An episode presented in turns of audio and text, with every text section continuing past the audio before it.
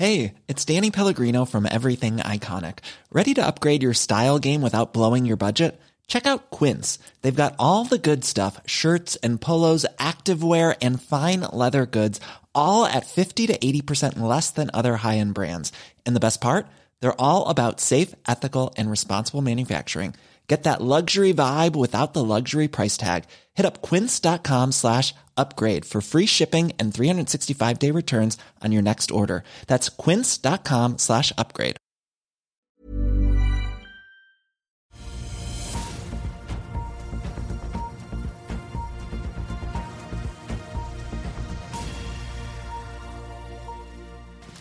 En riktig god torsdagsmorgen alle sammen, og velkommen til Børsmorgen her hos oss i Finansavisen. Mitt navn er Marius Lorentzen sammen med aksjekommentator Karl Johan Månes på plass fra Smestadammen her i Oslo på denne 12. oktober. En dag der børsen er ventet opp 0,3 etter gårsdagens tilbakegang på 0,2. Amerikansk inflasjonstall utvilsomt vil stå i fokus. EasyJet annonserer flyordre og at det igjen blir utbytter. Og så har vi sett at det ikke bare er danske Ørsted som kan gå på smeller i USA. Nå har også Eriksson servert sin egen milliardbombe, de også. På kalenderen i dag ellers, regjeringen og olje- og energiminister Terje Lien Aasland skal få overlevert rapporten fra strømprisutvalget, som kanskje kan gi dem noen svar på hvordan de skal få prisene ned. Vi har fått eh, kvartalsoppdateringer ellers fra en rekke selskaper som Vår Energi, Klaveness Combination Carriers og Himalaya Shipping. Og vi holder også et øye med dramatikken i Midtøsten og hva som skjer i råvaremarkedene. Og vi lurer jo på hvorfor vi kanskje ikke har sett 100 dollar fatet på oljeprisen etter Hamas-angrepet på Israel. Og det er noe av det vi skal diskutere med dagens gjest, Torbjørn Kjus, sjeføkonom i Aker, som er med oss om ikke veldig lenge. Men først litt eh, nyheter nyheter og nøkkeltall fra markedet. Jeg nevnte jo de amerikanske inflasjonstallene som kommer da 14.30 i dag. De er ventet å vise et uh, forsiktig fall ned fra 3,7 til 3,6 på da årsbasis på KPI-en, mens kjerneinflasjonen er ventet å ligge uendret på 0,3 på månedsbasis. Vi så jo prosentprisindeksen i går ende på 0,5, som var høyere enn ventet, som var da 0,3. Ellers så nevnte jeg jo at Oslo Børs endte ned da i går etter to dager med opptur. Wall Street derimot viste litt mer standhaftighet og var innom rødt territorium, men karret seg opp igjen og endte dermed opp på fjerde dag på rad. Vi så at Nasdaq stakk litt av sammenlignet med de to andre indeksene og endte opp 0,7 i går. Exxon Mobil endte ned 3,6% etter at det ble kjent at de altså skal bla opp rundt 60 milliarder dollar i egne aksjer for å kjøpe skiferprodusenten Pioneer ned i Permian. De steg for øvrig 1,4% og vi har sett de asiatiske aksjemarkedene tikke oppover oppover i dag, de også. Nordsjøoljen litt i pluss, men vi er nede på 85-50 spot-markedene nå. Den amerikanske lett oljen ligger noe ned til 83 dollar fatet. Så vi også ta med at gassprisen TTF i Nederland har tikket litt nedover etter den kraftige oppgangen vi så tidligere i uken. I går endte vi på litt over 46 euro megawatt timen, og vi er nå fortsatt likevel opp nesten 40% fra bunnen i forrige uke. Den amerikanske tiåringen falt ytterligere i går, er nå nede på 4,55, ned fra 4,9, som vi så litt uh, tidligere for noen dager siden. Toåringen var over 5, men er altså fortsatt litt under 5, på 4,98 nå. Jeg nevnte EasyJet. De melder i en kvartalsoppdatering nå på morgenen at de har inngått eh, avtale med Airbus for potensielt å få levert 157 fly, bestående av 56 A320 og 101 A321 Neo-fly. De det skal igjen også bli utbytter til aksjonærene fra tidlig neste år. Det opplyser EasyJet da i denne oppdateringen. Gigante Salmon har hentet 200 millioner kroner til kurs 7 kroner og 20 med hjelp fra Sparebank1 Market, som skal brukes da til å finansiere opp eh, det landbaserte oppdrettet oppdrettsanlegget deres. Og så er Atlantic Sapphire også ute med en ny oppdatering og ikke minst da en beskrivelse av disse vanntemperaturene som de har slitt med borte i eh, Florida. De kom jo med en melding tidligere i september som sendte aksjen kraftig ned. Nå melder de at de har fått på plass nye kjølere, og at vanntemperaturen er nede i 14 grader. Det kommer en ny QTR-oppdatering 1.11. med en streamet presentasjon etter børsens stengetid, opplyser de også. Til slutt så tenkte jeg bare kjapt å nevne også Vår Energi ute med en oppdatering for kvartalet. De endte med en produksjon rett rett under 210 000 fat eh, per dag i tredje kvartal. Det er opp 4% fra andre kvartal, men ned 2% fra samme tid i fjor. Vår Energi regner fortsatt med å avslutte året med en produksjon over 230 000 fat per dag, og de beholder også guidingen for 2023 samlet eh, sett.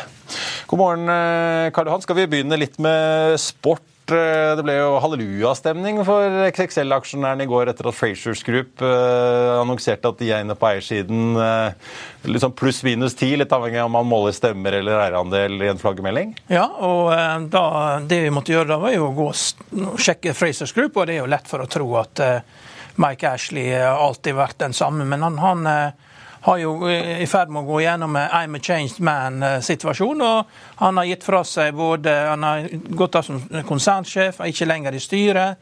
Det er svigersønnen som styrer butikken. og eh, Det kan han gjøre, for han eier jo 72 av firmaet. og eh, De fortsetter da med det som de har gjort før, det er å kjøpe litt småposisjoner i eh, konkurrerende i butikkjeder i mange forskjellige typer næringer. Og, og Frasers vokser, da, men sannhetsserien på sånne typer selskap er jo å studere, gå, lese årsrapporten og, og, og, lese eh, detaljene der. Da. Det virker som at de har en, eh, mål da, om liksom å ha stabile marginer på litt over 40% eller 42 og når det ikke fungerer, så selger de seg ut av butikkjeder. De har solgt to butikkjeder i USA. Men det interessante er jo at de har kjøpt, kjøpte Danmarks største butikkjede, Sportmaster, i 2022. Og i og med at det var russere som solgte dette, her, så er jo dette noe de har fått i fanget. Og, da, og de, må, de må ha vært veldig fornøyd med dette, for det har blitt det største markedet i Europa.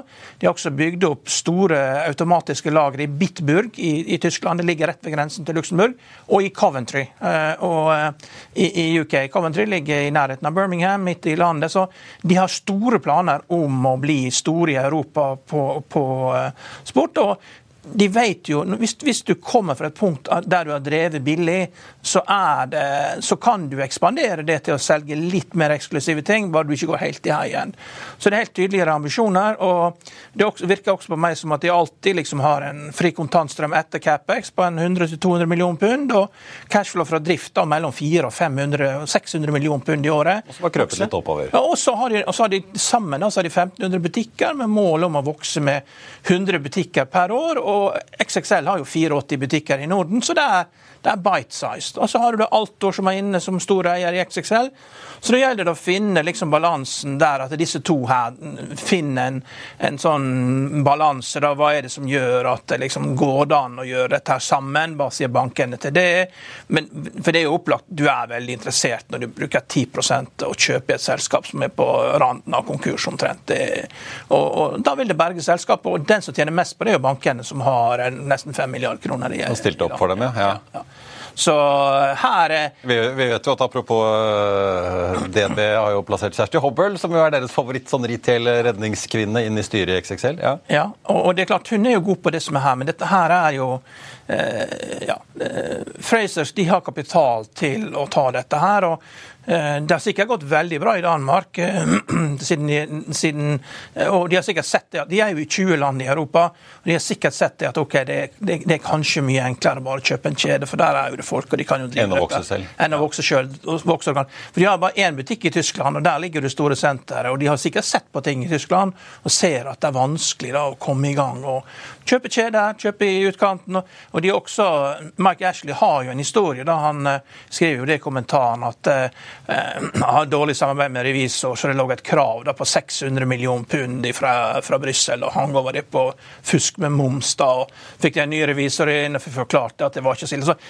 du har, da, er liksom, da mangler orden i butikkene, det mangler orden i regnskapene, og når du får EU etter det med 200% grad, altså, Ikke fikk de koronastøtte. Han har sikkert skjønt det at det, eh, lønner seg å være litt grei og levere regnskapene i tid, at folk kan se det litt i kortene. Så det, så det, det er et annet selskap. Og, og, og, men han er jo sta som bare. Han eide jo Newcastle United i 14 år kjempeupopulær. Begynte å krangle med Kevin Keegan som manager med en gang. Og døpte om eh, stadion for St. James' Park til uh, Sport, Sports Direct, Sport Direct ja. Arena uten å betale for det i sju år. og Det er jo verdt millioner. ikke sant? Så uh, Han er jo vant til å være superupopulær. Kan sitte i stadion med 60 000 mennesker som buer på deg i så mange år. Og, så han bryr jo ikke seg om noe som helst. Men nå har svigersønnen kommet inn, og det er et annet løp. og det er tydelig at de har en plan. da. Så det, Men så gjelder det å finne en balanse da, mellom Altor og Freisers for å få dette til å komme på plass og legge inn et bud. Så er spørsmålet kan man tjene penger på dette. Ja, jeg tror nok man kan tjene penger, men det er jo nedside. Da hvis at det, de ikke blir enige og XXL gjør det veldig dårlig, så, eh, så ryker jo egenkapitalen. For det er jo ikke mye egenkapital her. Så nedsiden er fortsatt 100% hvis XXL gjør det veldig dårlig. Ja, for det skulle til å si Nå faller aksjen en 4 fra start i dag. Se, den var jo opp uh, nesten 65% i går uh, til slutt. Men uh, du skriver jo i dagens avis XXL ender nok opp hos Frazier, så du ja. tror jo på at dette her bare blir kjøpt opp. Men jeg merket meg Joakim Husi Pareto, som følger XXL, han mener at han tror kanskje et mer realistisk scenario er at de inngår noe partnerskap eller men du, da får du ikke til det avtalen. Altså det, det, det, så det er ikke gitt at det, nei, det er oppkjøp automatisk? Absolutt ikke. Men, men Frasers legger veldig stor vekt på at de har veldig nære strategisk samarbeid med Nike, Adidas, Under Armour. Og For at du skal få det til, da, så må de ha en majoritet i dette. For at du skal kunne få eh, Jeg tror nok alle har et eh, samarbeid med Nike, men, men, når de da drar fram dette her, og de vil nok ha en viss kontroll, da, og for Altor så er det viktigst bare å få tilbake pengene sine fra investeringen. Og da er jo det viktig at det Skulle du gjerne hatt for lenge siden, kanskje? Ja, ikke sant? Og da er det greit at det Frasers ja. Så det, de, må, de, må, finne ut liksom hva er balansen her, og bankene må jo godkjenne det. For det, de har jo ikke lyst til at det skal bli krangel mellom to veldig sterke parter. Den ene kan drive butikk, og den andre har penger. liksom det.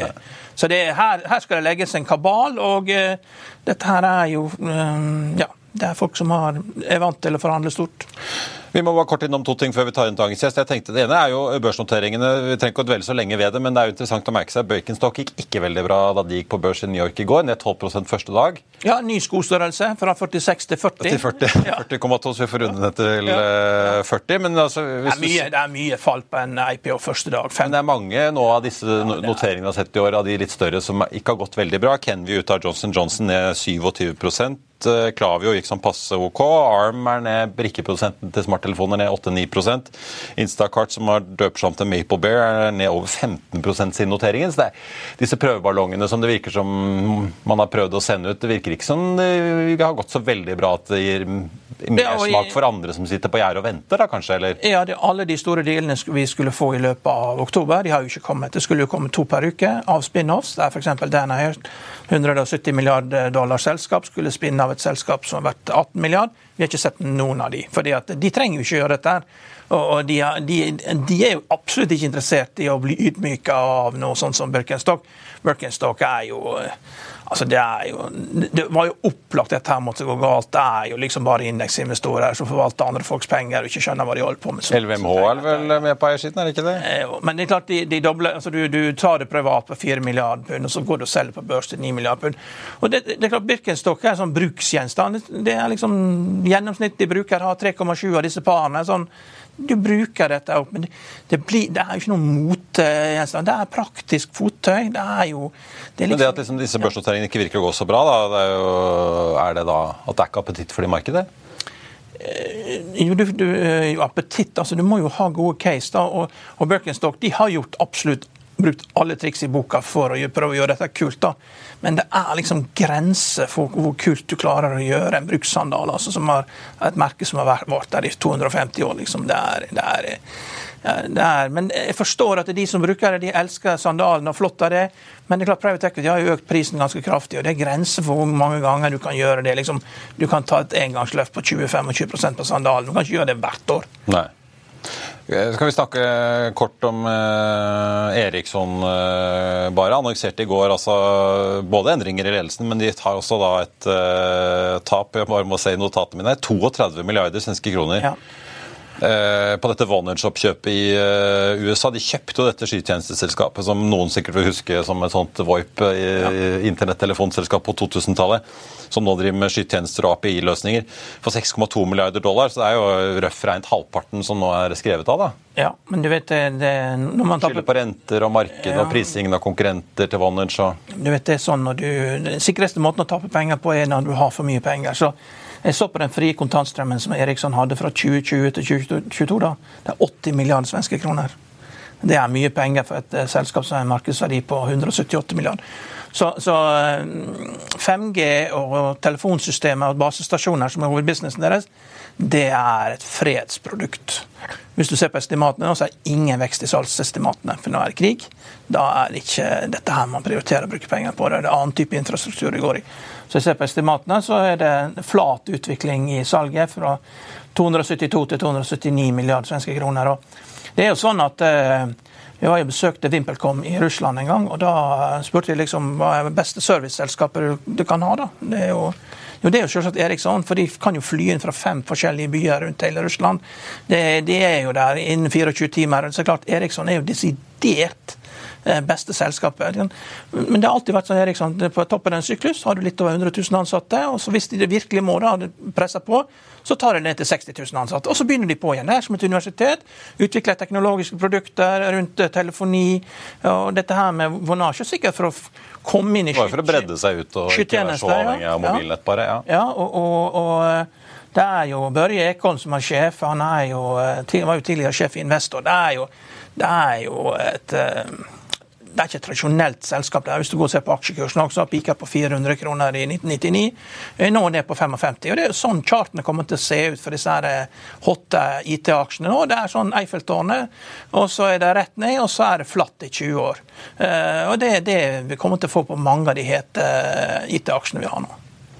Eriksson eh, i hvert fall eh, ser ut til å starte svakt ned på Stockholmsbørsen. Hovedindeksen er hjemme, opp en halv prosent fra start. Jeg nevnte jo EasyJet, eh, konkurrenten deres Norwegian, opp 2,5 fra start i dag. Hvor Energi opp 1,3 etter deres kvartalsprestasjon. Og så har XXL snudd så vidt til pluss. En aksje som gjør det ganske bra etter en melding fra selskapet selv, er Ultimovax. Bioteknologiselskapet melder om positive resultater, og da fra en av studiene de kjører der. Den aksjen er opp nesten 8 nå. Vi skal snakke olje er tilbake tilbake med Torbjørn Kjus rett etter dette. Vil du bli oppdatert på det viktigste som har skjedd innen finans og næringsliv? Da er det bare å følge med, for hver morgen er jeg, Marius Lorentzen og aksjekommentator Karl Johan Malnes på plass i studio for å ta tempen på dagens marked i Børsmorgen. Og hver ettermiddag oppsummerer vi alt du trenger å vite i økonominyhetene, og det blir selvfølgelig masse interessante gjester. Klikk deg inn på fa.no-tv, eller søk opp Børsmorgen og Økonominyhetene der du hører på podkast.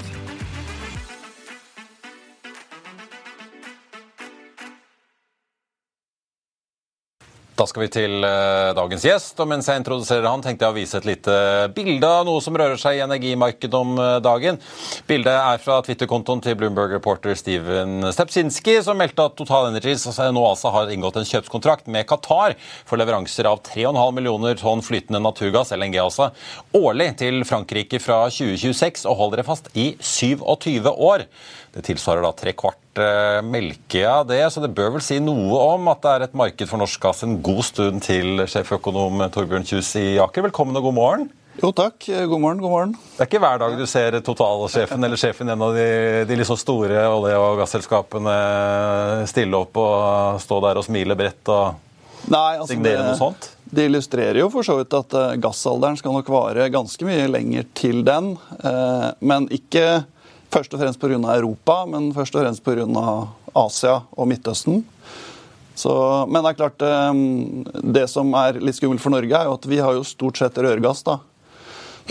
og, og, tyskerne har jo ennå ikke på en måte gitt oss noe security of demand eh, langsiktig.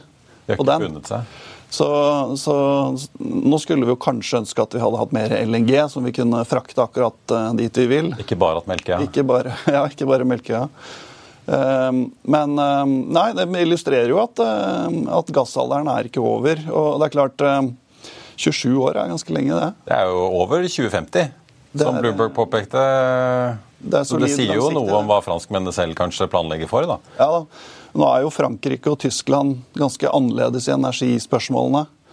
Jeg syns også det er litt spennende med Tyskland at um, du hadde disse lokalvalgene nå. Var det vel Bayern og Essen 25 eh, av befolkningen vel, som stemte. Og du hadde veldig store utslag i velgermassen. Eh, og polsene tyder på at eh, du kan få helt annen sammensetning av et tysk parlament neste juni. Og da, klart, og jeg tror energipolitikk har ganske mye med det å gjøre. da. Så jeg er veldig spent på hvordan eh, tysk energipolitikk kanskje ser ut om et år, når de har fått eh, kanskje et, et, nytt parlament, rett og slett. Hvor disse Alternative for Deutschland er jo Suser opp. tatt store Ja. steg. da, Og de, eh, de, så vidt jeg har skjønt, har et annet syn på, på energipolitikk. Mer positive positivt til f.eks. kjernekraft. Ja, Vi får se om det var det jeg skulle til, så vi får en kontra på kjernekraft. Men altså, du nevnte jo rørgassen til Norge. Ja, den er jo Vi kan ikke bare sende den til Asia like lett som eh, man kan gjøre med. LNG, men den er jo tross alt mye billigere å levere. Altså, altså I konkurransen levere, mot amerikansk og, og, og, og, si, naturgass fra Midtøsten, så stiller vi jo ganske sterkt. Ja, Så lenge tyskerne kan på en måte akseptere at eh, de skal bruke naturgass eh, en god periode, så er jo det altså det er jo mye lavere også CO2-avtrykk fra det enn fra LNG. Så, så det er jo miljømessig riktig, spør du meg, da. Men jeg syns jo at det som har skjedd i Tyskland, har vært veldig rart uansett. Å legge ned kjernekraft midt i en energikrise. Det er jo ja, det er ikke mange jeg kjenner som skjønner helt at eh, det er mulig. Men- Vi har jo sett tyskerne suste over til Qatar og signerte LNG-avtaler, de òg, for ikke så altfor lenge siden. Ikke like lenge, men, men liksom viser dette at de, de, de, uansett hva de måtte mene, så har de ikke noe valg. Det er- De innser at de er nødt til å sikre seg Ja, kanskje. Men samtidig så altså, Det har jo vært voldsomme steg også på, på sol og vind. og det er jo, Sol har jo tatt to tredjedeler av fornybarveksten det siste året, da, sier IA. Eh, Så, man har jo tatt ganske store steg den veien. mens Uheldigvis da, så har jo etterspørselen etter gass falt. Og, og grunnen til at eh, jeg sier uheldigvis, er jo at det, det handler om industridød da, eh, for Europa. Eh, Og du kan jo sette grafer på eh, kraftkrevende industri eh, opp mot eh, industriproduksjon og, og, og BNP-vekst osv. Og, så videre, og se hvordan det krasjer. Så det er jo sånn som eh, kanskje er irreversibelt hvis det går for langt. ikke sant? Og BASF og den, den type selskaper flytter til, til USA. og Det er klart det er lett å det er mye lettere å rettferdiggjøre det når du har sånne støttepakker som du har i USA, og samtidig iboende billig energi i lange lange tider. ikke sant? Naturgassprisen i USA er 3 dollar per MMBTU. I Europa nå så er den 14-15. Eh, Og det er etter et stort fall, liksom. Vi hadde jo 500 dollar fatet pluss for naturgass i august i fjor. Det kommer nok ikke til å gjenta seg, og, er jo selvfølgelig en helt ekstrem situasjon. Men, men hvordan skal Europa ha billigere energi enn enn, eh, USA? Eh, Det blir et veldig stort spørsmål. Det for det, det skal veldig godt gjøres. Men det, det leder meg over til eh, nyheten vi fikk i går, uh, Karland. 60 milliarder dollar legger Downwards, eh, konsernsjefen i Exxon, på bordet i form av egne aksjer, riktignok, for å kjøpe Pioneer, som jo er jo mye større enn Exxon i Permian. eh, men de, altså, de har jo satset tungt på skifer. Ryktene har jo gått, var det, men ble du overrasket at de fant hverandre? Nei, Eller at en så stor deal skjer på, på land i USA nå? Ja, det er vel det største deal for Exxon siden 1999, hvor de kjøpte Mobil. da. Um, men og, altså, Som DNB-analytiker så var vi stadig hos Pioneer, hadde de som kunde. så eh, jeg har vært på det kontoret mange ganger. Svært selskap, eh, skikkelig sånn Texas-style. Um, og størst i Permian, som du sier. Eh, Så nå blir jo eh, Exxon størst i Permian. Og det er jo Permian veksten ligger. Altså bakken ser ut til å ha peaket, altså Nord-Dakota. Eh, Eagleford litt lenger sør i Texas ser ut til å ha peaket. Så det er, det er Permian da, eh, som fortsatt vokser, og som sikkert vokser videre. Men Området Equinor aldri kom seg inn i. ja, kan du For de var jo i bakken og Eagleford. ja. Ja, så, så det som eh, skjer der, er jo at eh, eh, den konsolideringen som jo ikke eh, Dette er jo ikke første steg av den. Eh, og Conoco har jo egentlig gått den løypa som en, i mindre skala eh, enn Exxon. allerede valgt den strategien for en, en seks, sju, åtte år siden. At de skulle rampe opp i shale eh, pga. fleksibiliteten i shale.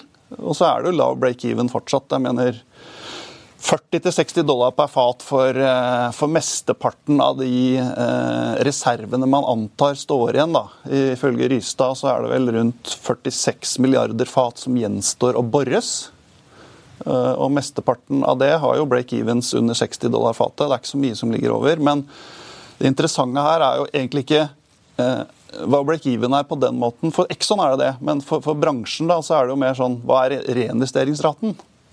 For den lå jo på over 200% reinvesteringsrate. Man lånte jo penger for å bore, i tillegg til det man Det var litt sånn norsk supply på, i gulladeren at utbyttene Ja. ble pløyd inn som EK i nye skip. Som Ja. lånefinansiert. Ja. Så nå tenker jeg at I'll see you in court. Vi sier det ofte litt på spøk, men for deg som driver business, er det aldri moro å innse at du ikke har laget en 100% gyldig kontrakt. Du bør ikke risikere hele firmaet ditt fordi du synes dette med kontrakter er litt stress. En avtale er ikke en avtale. Du kan miste kunder, miste venner, ja, til og med miste inntekter om du ikke lager en skikkelig kontrakt, på alt mulig, egentlig. Men vi vet det er et styr. Kopimaskiner, tregprinter og haugevis av papir. Dessuten stoler vi jo på folk her i landet. Det er ofte litt kleint å skulle be om en signatur for alt mulig, ja, for mye av styret handler også om jakten på underskriften. Det finnes en enkel måte å løse dette på, Dukkobit, en trygg, effektiv og get this, gratis måte å sikre seg en god natts søvn pluss en juridisk bindende avtale. Dukkobit-appen har de strengeste sikkerhetskrav i bunn, samt en EU-godkjent og sertifisert teknologi. Framover vil det bli behagelig å spørre du, skal vi skrive under på det, eller? Kom i gang på dukkobit.no. Eh, I de siste par så har vi hatt 50-60% reinvesteringsrate i Shale. Og det er en veldig viktig forutsetning, hva du legger til grunn der, for hva break-even blir. Eh, og hva du kan eh, forvente i vekst. Da. For hvis du sier 50-60% reinvesteringsrate, så kan du teste ut hva det burde gi av produksjonsvekst på den ressursbasen. Og det har jo bl.a. Rystad gjort. da. Og da ser du at ut fra det de sier, så hvis du får 60 dollar fatet, WTI-pris, da kan vi tenke grovt sett 65 brent omtrentlig. Så får du 1 million fat tilvekst fram til 2026. Da vokser vi fra 9 millioner i dag til 10 millioner i 2026, og så er det peak. Da vokser det ikke mer. Og da, I så fall så blir det jo helt eh, essensielt hva skjer med etterspørsel etter 2026. Har vi peak i 2026? Hvis det vokser videre til 2035, ja da må vi antagelig ha en høyere pris enn 65 dollar fatet for å matche en sånn type etterspørselsvekst. Ja. ikke sant? Eh, og Da sier samme analysen at hvis du har 80 dollar fatet, dvs. Si 85 brent, kan du tenke deg, da, eh, så har du oppi en sånn 450 000 fat årlig vekst. Hvis du har 50-60% reinvesteringsrate. Men hvis den går opp i 80-90-100% da får du mer produksjon. Så her er det jo ikke bare sånn hva er break-even? Du må liksom se hva bruker de på å bore for. Skal de dele ut disse pengene? Skal de kjøpe tilbake aksjer, eller skal de bore? Eh, det er jo på en måte det store spørsmålet som kanskje er like viktig som break-evens. Men det, for det har jo vært det store spørsmålet. Nå har jeg sett flere tenke at uh, når vi ser den dealen, så blir det mer disiplin uh, i amerikansk uh, skifer. Fordi du har gått fra en sånn ja. cowboybransje med masse mindre aktører til at det begynner å konsolideres og bli færre det. og større. Men hva, når du liksom jo, skal dele dine tanker og råd inn i Aker-systemet ja. Neste steg rundt den dealen er jo nettopp at du har jo større grunn til å tro at reinvesteringsraten blir stabil for en større del av ressursgrunnlaget. Fordi Exxon kommer ikke til å være sånn som kaster rigger inn når det er eh, høyere pris og, kutter kraftig. De kommer til å selvfølgelig oppføre seg sånn hvis oljeprisen tryner til 20 dollar fatet, så kommer de også til å kutte rigger. Eh, men det kommer til å bli mindre syklisk enn før. da. Eh, og mer stabil produksjonsvekst. Og antagelig holder det reinvesteringsraten mer stabil og, og lavere enn det vi så liksom i, ja, i, barndommen til eh, skiferoljeindustrien. Så det borger for kanskje mer stabil vekst, men litt lavere vekst. Eh, år, år, for år for år. Ja, for hva sier, men hva sier de om tilbudssiden i olje nå, da? For nå, nå får vi jo se liksom om oljeforbruket kommer ned i verden hvis vi får en stor resesjon, da. Men ja, det er jo spørsmålet er, er på liksom... tilbudssiden. Nå har vel Saudi-Arabia tatt én million fat av bordet. Ja, nå har de mye en, mer er det å gå på? Hvis... frivillig én million ekstra eh, fram til nyttår. Eh, og så har jo Russland sine 300 000, som er samme type deal, da, eh, også ut nyttår. Og så har du den dealen som ligger i bakhånd under den igjen, som gjelder mange flere OPEC-land, som varer ut 2024. Eh, så nå er jo det man lurer på, hva skal man bake inn at Saudi gjør fra januar, februar og videre? Og Der ligger jo sånn Goldman og Morgan Stanley osv. De sier at nei, vi tror de holder kuttene fram til Q2, og så begynner det å unwinde sakte. Det er liksom mange som tror på det. Eh, men bottom line er at nå i Q4 så er markedet under, uh, har et undertilbud på rundt 1 million fat om dagen hvis du bruker IEA, siste rapport. Og så holder du OPEC-produksjon eh, uendra på sist kjente nivå. Det tallet inkluderer jo da bl.a. Iran, og det inkluderer jo Venezuela. Begge de er OPEC-medlemmer. Og de har jo rampet opp gjennom året ja, en rundt 400 000 fat om dagen. Så inn, den ramp-upen der ligger innbakt i det tallet jeg snakker om nå.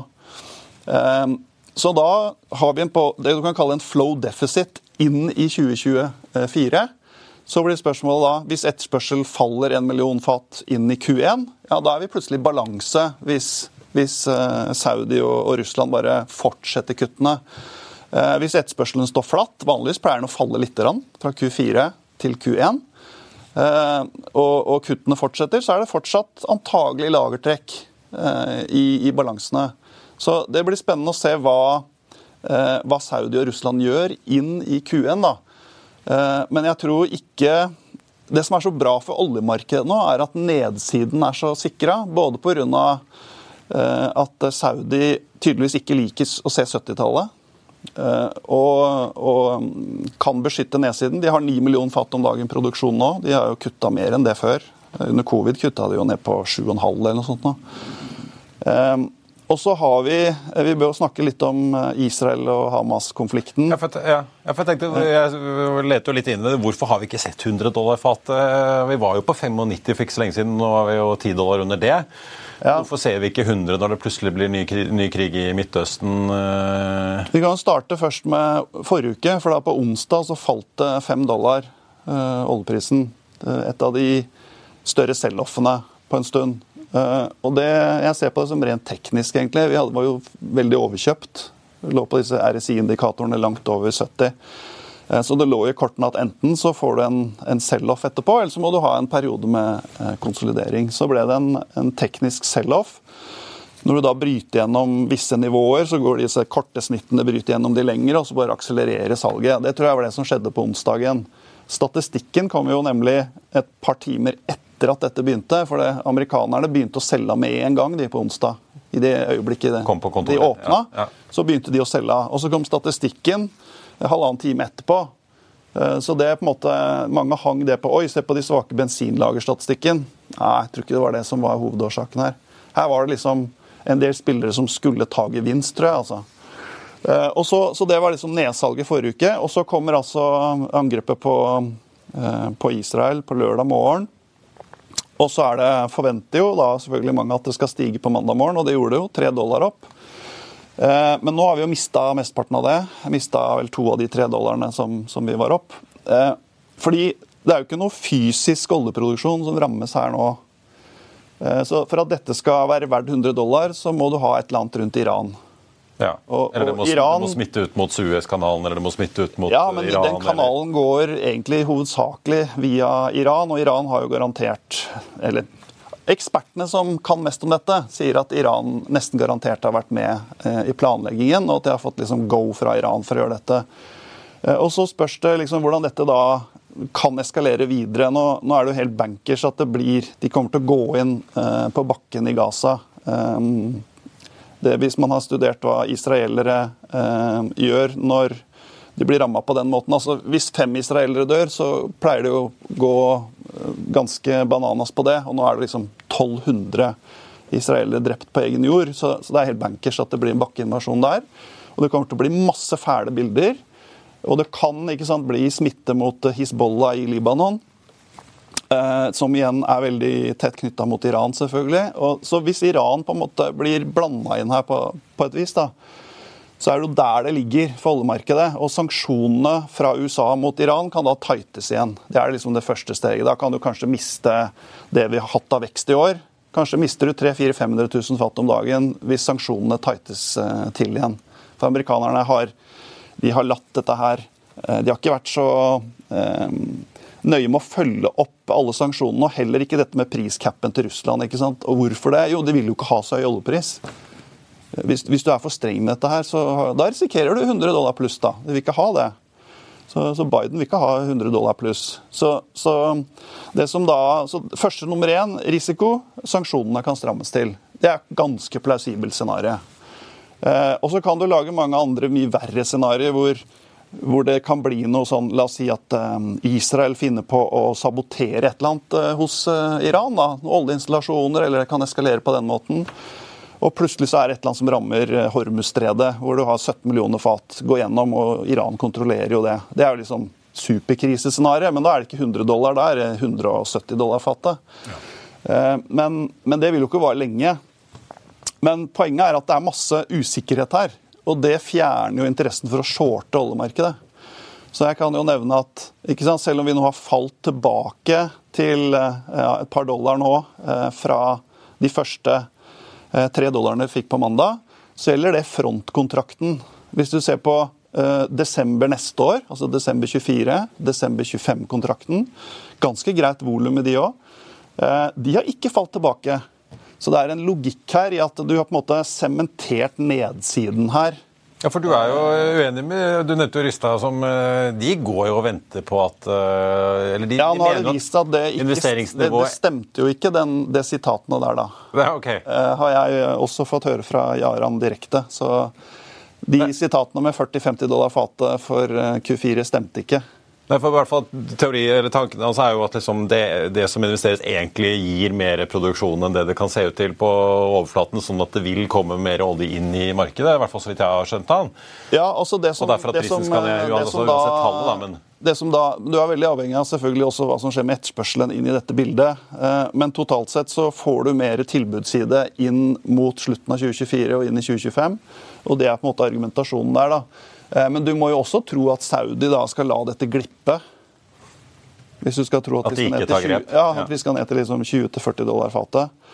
Eh, og så, så, er det veldig avhengig av disiplinen i skiferolje også. Og den blir nå kanskje bedre, den, som du er, Ja, men det, det, er jo, det, er jo, mer langsiktig, dette Exxon uh, Pioneer-spillet, tenker jeg. da. Men jeg, jeg, tror jo altså De fleste analytikerne tror ikke på mer enn sånn 300 000-500 000 fat vekst i US Shale neste år. Og det er, ikke, det er jo ikke mye. Så det er egentlig Guyana, Canada, Brasil som virkelig kommer på. Norge er jo ferdig rempa nå. Ja.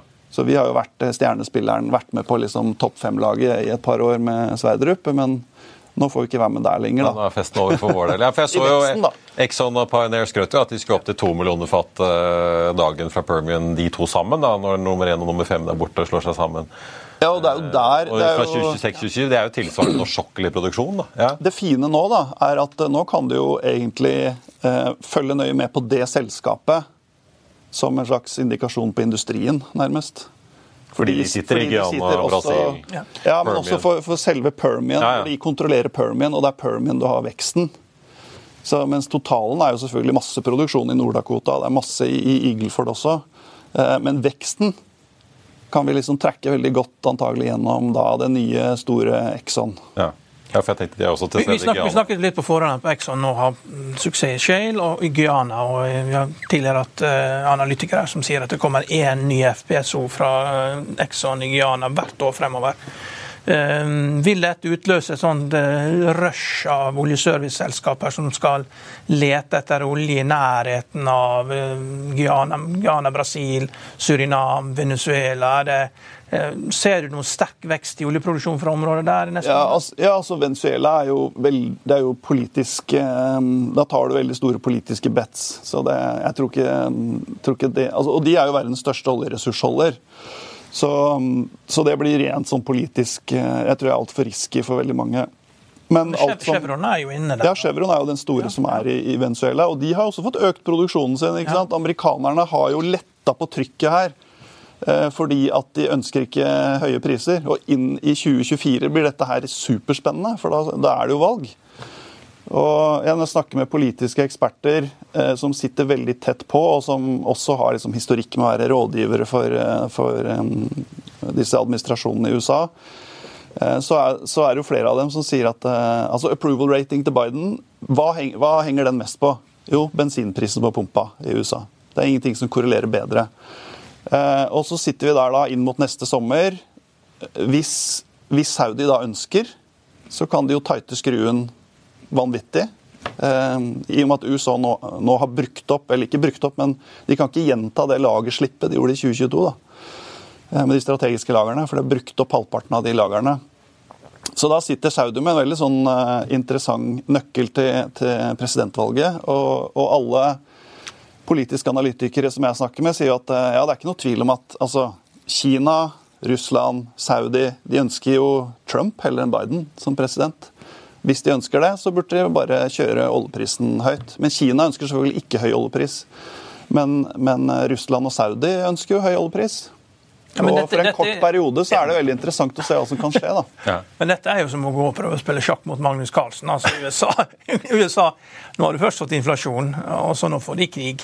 Og det er ingenting som samler mer enn krig, og da kan du uh, gjøre hva du vil. altså. Så, og neste det, steg på det, Karl Johan, det er nemlig, uh, som jeg skulle avslutte med, det er at uh, de sier, noen av disse rådgiverne, som har jo ja, mye tettere på amerikansk politikk enn de fleste her i landet er, da, at du må ikke bli overraska over noen ting neste år. Amerikanerne kan finne på å stenge av, eh, altså forby eksport av både raffinerte produkter og råolje. Ja. Eh, da får de ned prisen. Ja, da får de ned pumpeprisen hjemme. Ja. For de eksporterer jo 4 millioner fat råolje og masse bensin og diesel. Nettopp. Men da går jo brentprisen bananas. Hvis det skulle skje. Det blir butikk, apropos for arbeidsgiveren din, det... Aker og Equinor og Vår Energi. Ja, da, men ikke sant. Jeg som jeg også har maila litt med deg Sweet spoten for, eh, for Aker BP og andre oljeprodusenter det er ikke at vi går til 130-40-50 dollar fatet. Ja, det, er det, er det, er ikke bare Saudi som helst egentlig ikke vil se 100 pluss. Det er altså, ja, Equinor og vår Aker BP. Ingen vil ha det egentlig. Industrien har ikke godt av det. ikke sant? Det beste er å ligge på 80-100 dollar fatet. og ligge liksom, Det er liksom sweet spoten, fordi da har du kjempegod kontantstrøm, og etterspørselssida er sånn stabil og fin. Mens de der store utslagene, det, er, det, er ikke, det vil man ikke ha. Altså. Og en voldsom inntjening, gitt at de fleste prosjektene i hvert fall i Norge er jo sanksjonert eh, godt under 40, gjerne under 30 dollar. Sverdrup som du sier, ja, er jo altså, veldig lavt, da, men de fleste ligger jo på ty, kanskje 10-20-tallet. Ja, det er superprofitabelt. Så, det er jo så det er ikke noe tvil om det. Og, mange dollar rett i fòret hvis du ligger på 80. Ja, og også den stabiliteten ved hva skal jeg si, nye prosjekter også er jo hvis vi får de periodene hvor, det, hvor, prisen stikker av for mye, så får du du får ubalanser også i servicenæringen. også, skal, Plutselig skal alle ha tak i de samme folka, og så blir fatene plutselig dyrere enn man trodde. Så nei, det er ikke det, er ikke det industrien ønsker seg. Det, så, så, det er klart, hvis du sitter og skal være sånn kortsiktig investor, så kan du selvfølgelig eie oljeaksjer og bare Yes, oljeprisen går i 130, men da, da, bør du faktisk ikke sitte på de aksjene særlig lenge, altså.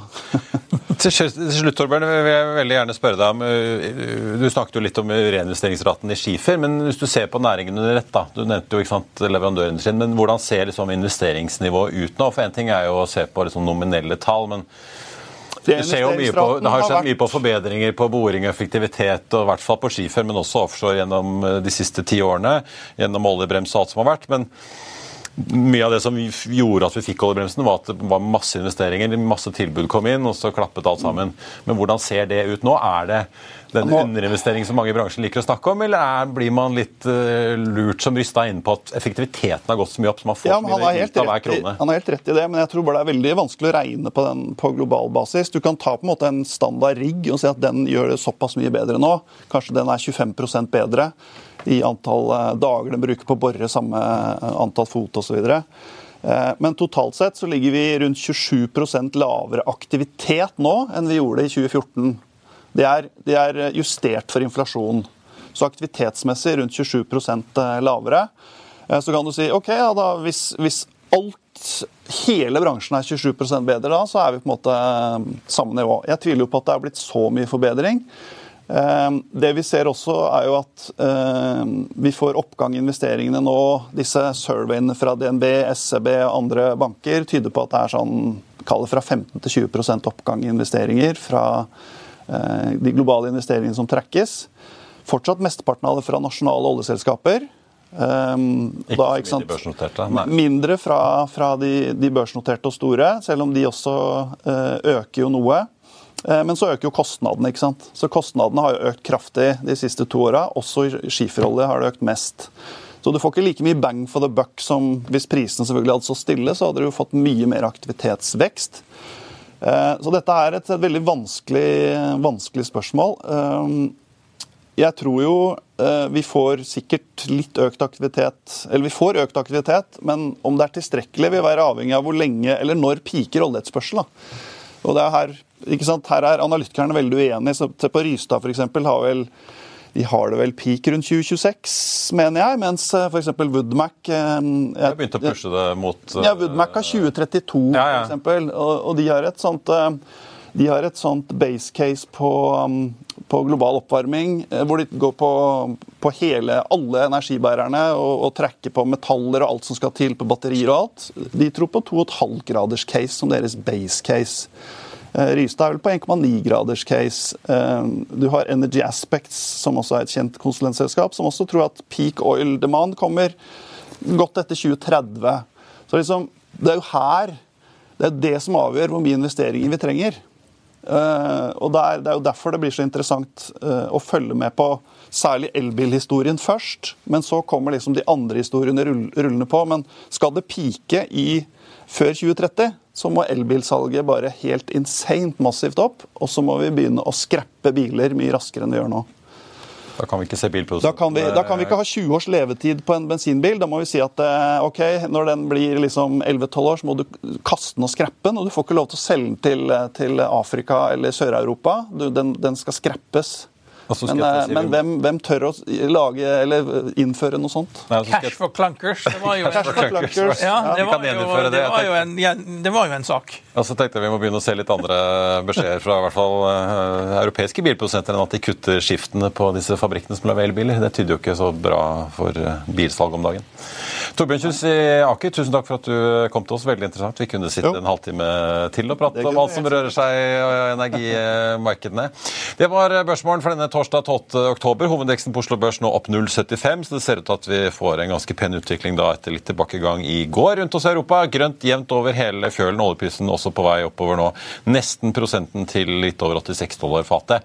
Husk å få med deg Økonominyhetene klokken 14.30. Da er Andreas Myhre i Konsesjonskraft gjest her hos oss. I mellomtiden så får du siste nytt på FA1 og gjennom hele dagen. Ha en riktig god torsdag alle sammen. Vi ses.